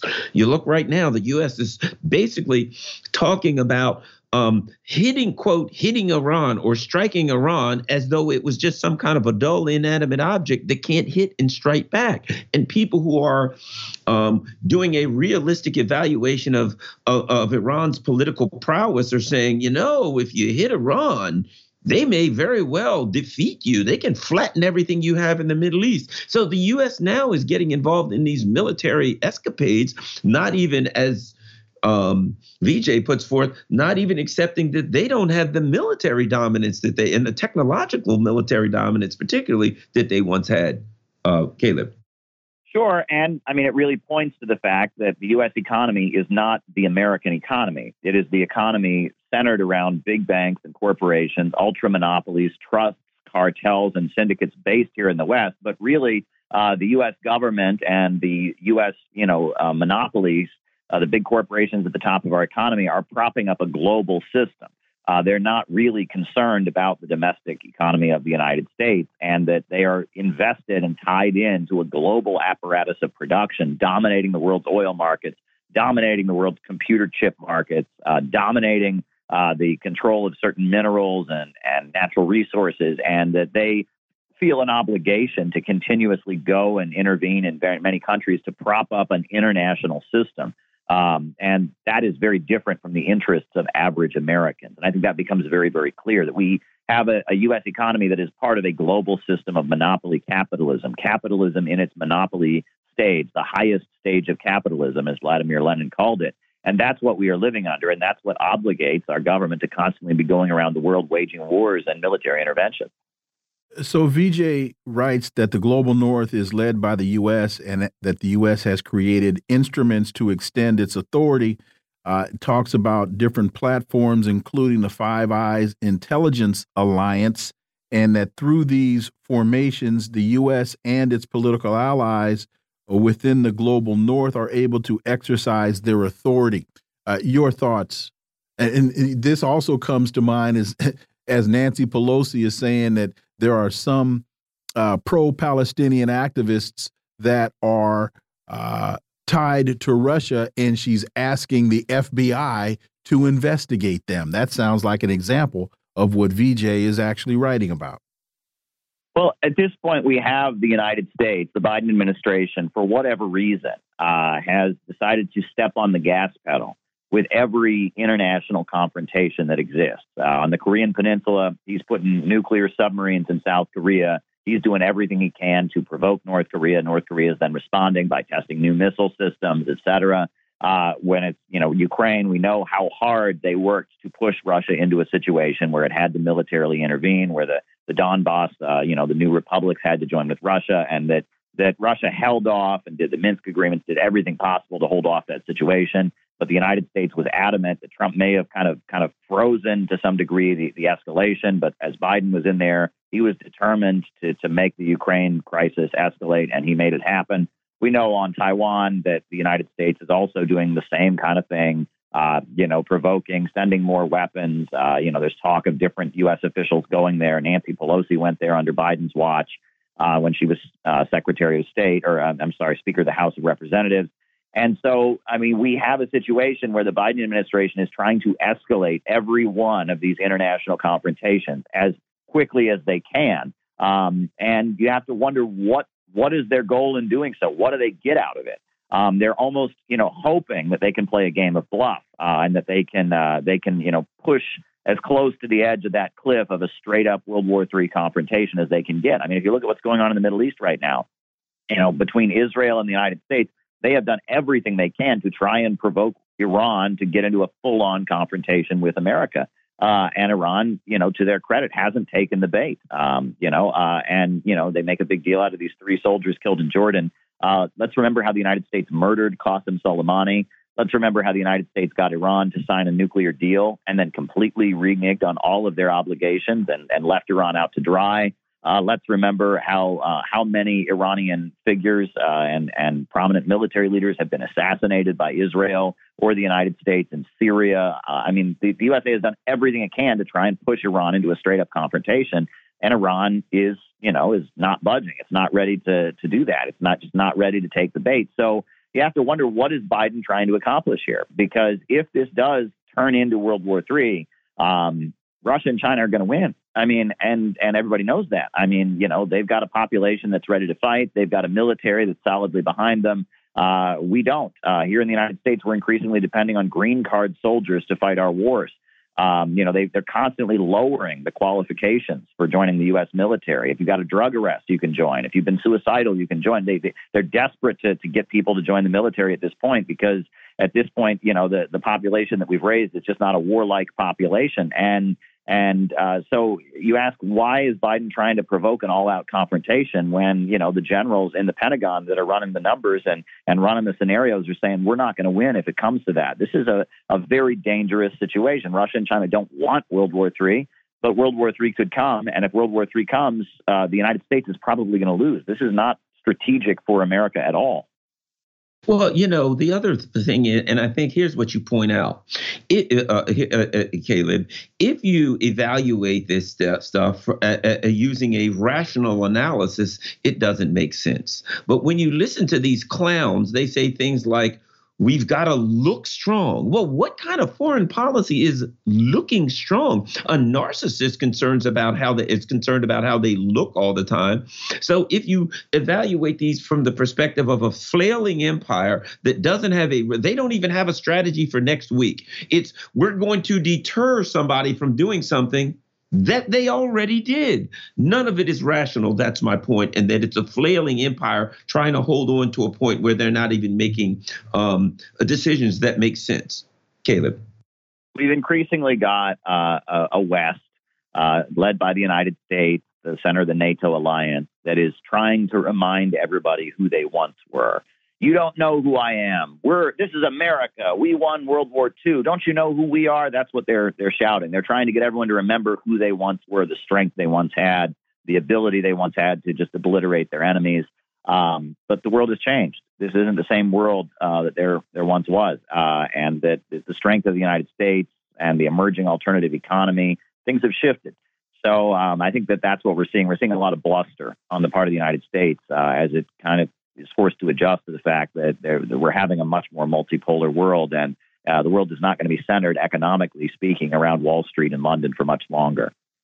And as we get out, Caleb, to your point that the world has changed, warfare has changed as well, and because the the countries that the United States considers to be its adversaries, they're not trying to project power, military power around the world. They seem, for the most part, to have created very, very strong defense systems as opposed to offensive systems. So the United States, you know, uh, Tehran is what six thousand miles from Washington D.C. Tehran isn't isn't sending a flotilla of aircraft carriers and its and its support ships off the coast of Washington D.C. or off the coast of Los Angeles. The United States has to traverse those waters, go to them, and then try to wage war in their waters on in on their off their shores, and uh, they've got quite a defense waiting for them if they do. Caleb Maupin. Sure. And I think, again, if one looks at uh, the geopolitical analysis where they talk about land civilizations versus sea civilizations, there's a lot of insight there because uh, the British Empire, much like the Roman Empire, and right up to the, the Western U.S.-led, you know, uh, system of today, this is very much a sea-based empire based on controlling trade routes. Uh, whereas the peoples of Russia and China and Iran, these are people of the land uh, that are very much about uh, economic development through building roads uh, and also about, you know, staying in land that they've lived in for thousands and thousands of years and maintaining relationships that they've had with different peoples and nationalities for thousands and thousands of years. And this is a, a clash of two different forms of civilization. I'll say this: if their plan is to, if their, you know, their their uh, strategy for world domination is based on controlling the international sea lanes, Ansar Allah has seems to have brought that to a screeching halt. Caleb. Indeed, indeed. Uh, the the Houthi army, which is you know representing one of the poorest countries in the world, if not the poorest country in the world, has showed that uh, that that they're not as mighty and powerful as they might think they are. Caleb Maupin, as always, thank you so much for your time. Greatly, greatly appreciate that analysis, and we look forward to having you back. Sure thing. Always a pleasure. Folks, you're listening to the Critical Hour on Radio Sputnik. I'm Wilmer Leon. I'm joined here by my co host, Garland Nixon. There's more on the other side. Stay tuned.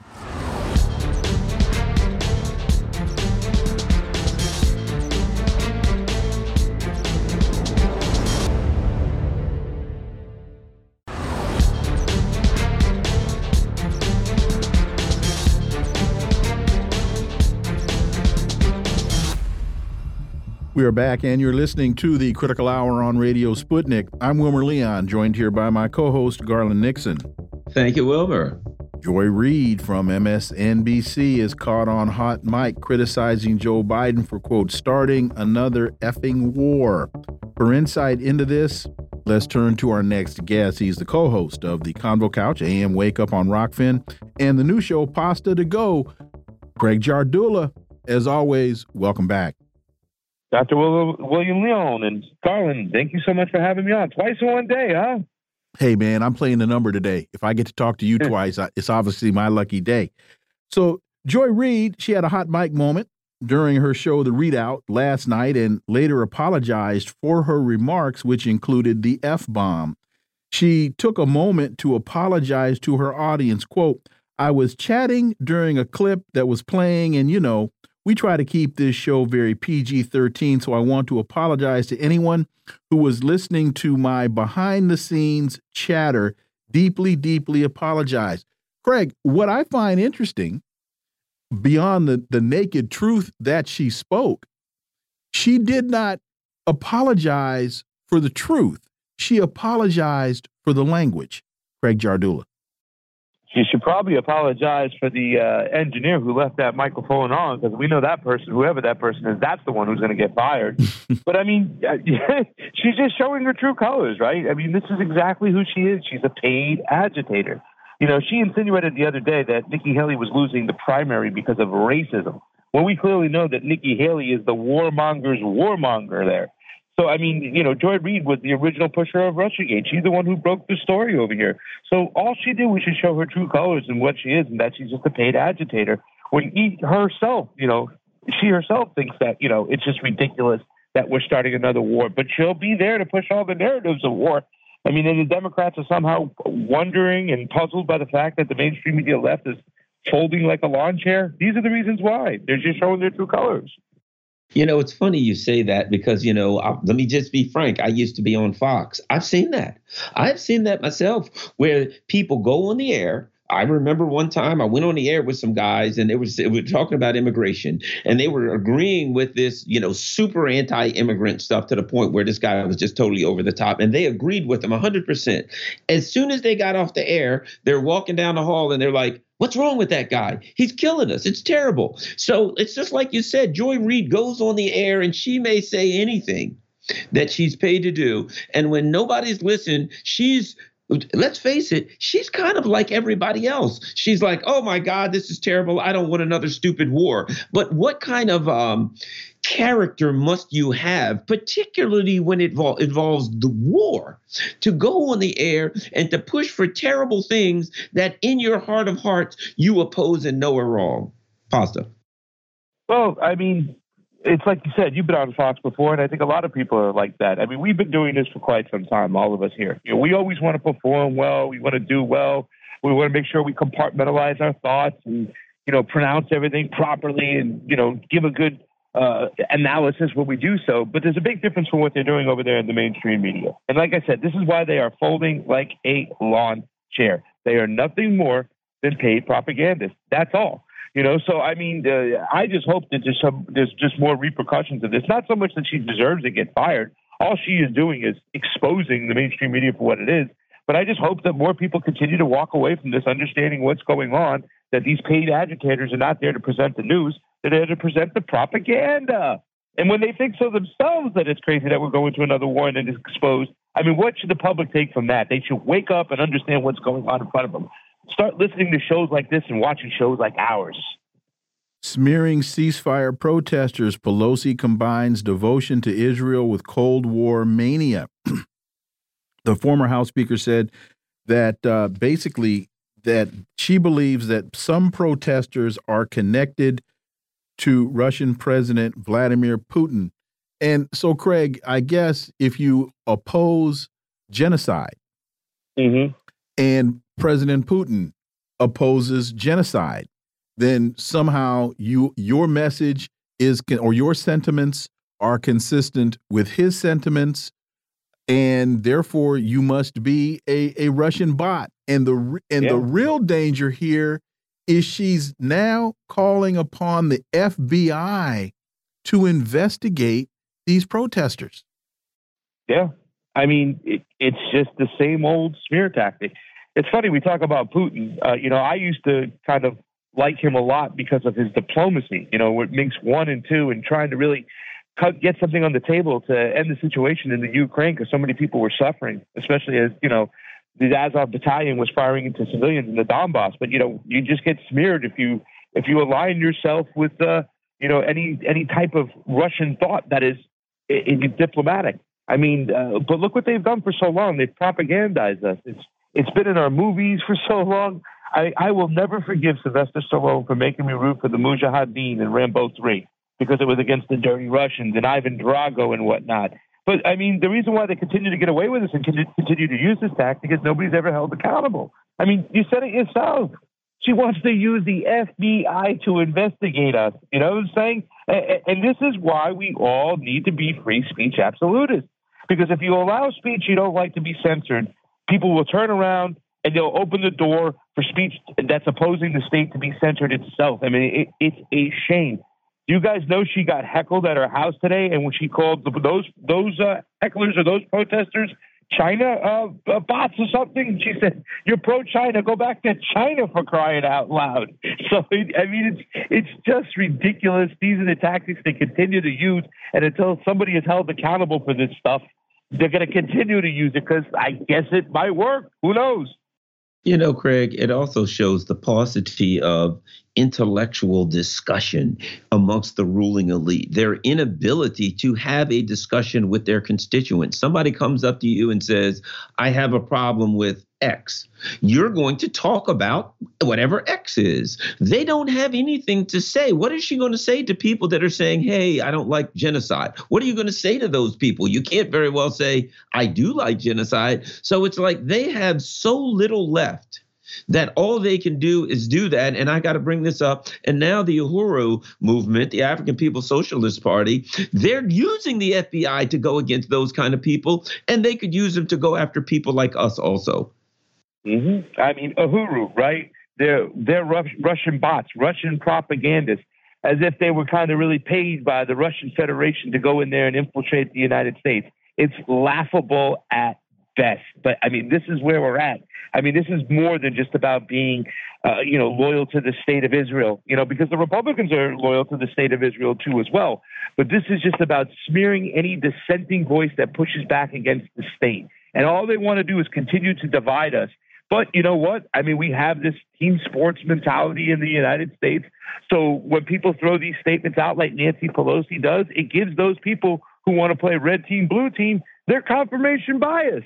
But I mean, the only thing we can continue to do is just call it out for what it is and hope that we just, you know, open some minds out there. So, I mean, that's what I'm hoping right now because to me, this is just utter ridiculousness. And Craig, do you see Nancy Pelosi's comments and invoking the FBI and the name of President Putin as a salvo, a shot at uh, former President Trump that she's really this is her her uh, initial attempt to uh, reinstitute RussiaGate 2.0? 3.0, right? Is it is it, is it 3.0, 4.0? They've never ever dropped that. And I, and I know I think all of us here have probably watched that Mueller investigation, the hearing. It was another joke. It was laughable. But, you know, the United States mainstream media, especially the Democrats, have found a way to Putinize Russia, you know what I'm saying, or Russianize Putin somehow and, and that makes it a dirty thing. So no matter what, you know, we've been, you know, uh, programmed, and especially as we've been growing up in, in our schools and taught, you know, that the Russians are the enemy. So I mean, they're just still using these GI Joe like tactics, and and sometimes they are effective. So it, it, I mean, like I said before, it just blows my mind right now, and I'm just hoping that you know this stuff continues to fail, uh, but it fails at a higher rate. So eventually they'll just shut up and Garland, that that takes us back to Boris Badenov and and Natasha. All you know, in terms of cartoons when we were kids. Yeah, exactly. I feel as though uh, um, that she, it's like she's got a list, right? So someone said some uh, protest. The, the today's protester, she says, uh, clearly are Russian bots. So she gets the next set of protesters. Well, they get Iran. Um, you know what I mean? Well, the ones after that, And they get China. Venezuela. The ones after that get Cuba. Yeah, well, you know, the, exactly. And so once she goes through the list, she starts over again. But she's definitely got a list there of the evil adversaries, the whatever triumvirate of evil or whatever you might want. And she just goes down the list. It's pathetic. It reminds me of when these you see these people go in to talk with their congressmen, members of Congress, and bring something up, and suddenly the members of Congress have something come up and they're ushered out by their assistants because they can't really talk to their constituents anymore. And and and really quickly, it, uh, Craig, it, it, implicit in what she is saying is that Americans are stupid sheep.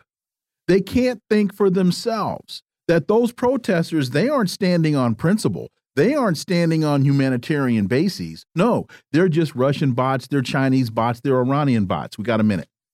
Uh, well, I mean, there's not much more to say on this whole situation, and you know, it's it is. It goes back to George Carlin, who said years ago, education will never be fixed because the people who run this place don't want it fixed. They don't want a, a society of critical thinkers who can figure this stuff out for itself. But this is why I always go back, gentlemen, to elections because I feel if we had elections, that we could have some accountability and get some of these phonies, these propagandists, out of there. Craig Pasta Jardula, as always, thank you so much for your time. Greatly, greatly appreciate that analysis. And we look forward to having you back. Look forward to coming back. Hey, Garland, again, she's really saying, she's implying very clearly that Americans are stupid. We got about 30 seconds. Oh, absolutely. That we can't have, uh, we can't act on our own volition. That anybody who opposes her is acting as an agent of some foreign power, and therefore should probably be arrested and prosecuted. Wilmer, folks, you've been listening to the Critical Hour here on Radio Sputnik. Thank you for allowing our voices into your space. On behalf of myself and my co-host Garland Nixon, we hope you were informed and enlightened, and we look forward to talking with you all right here tomorrow on Radio Sputnik. Be safe. Peace and blessings. We're out.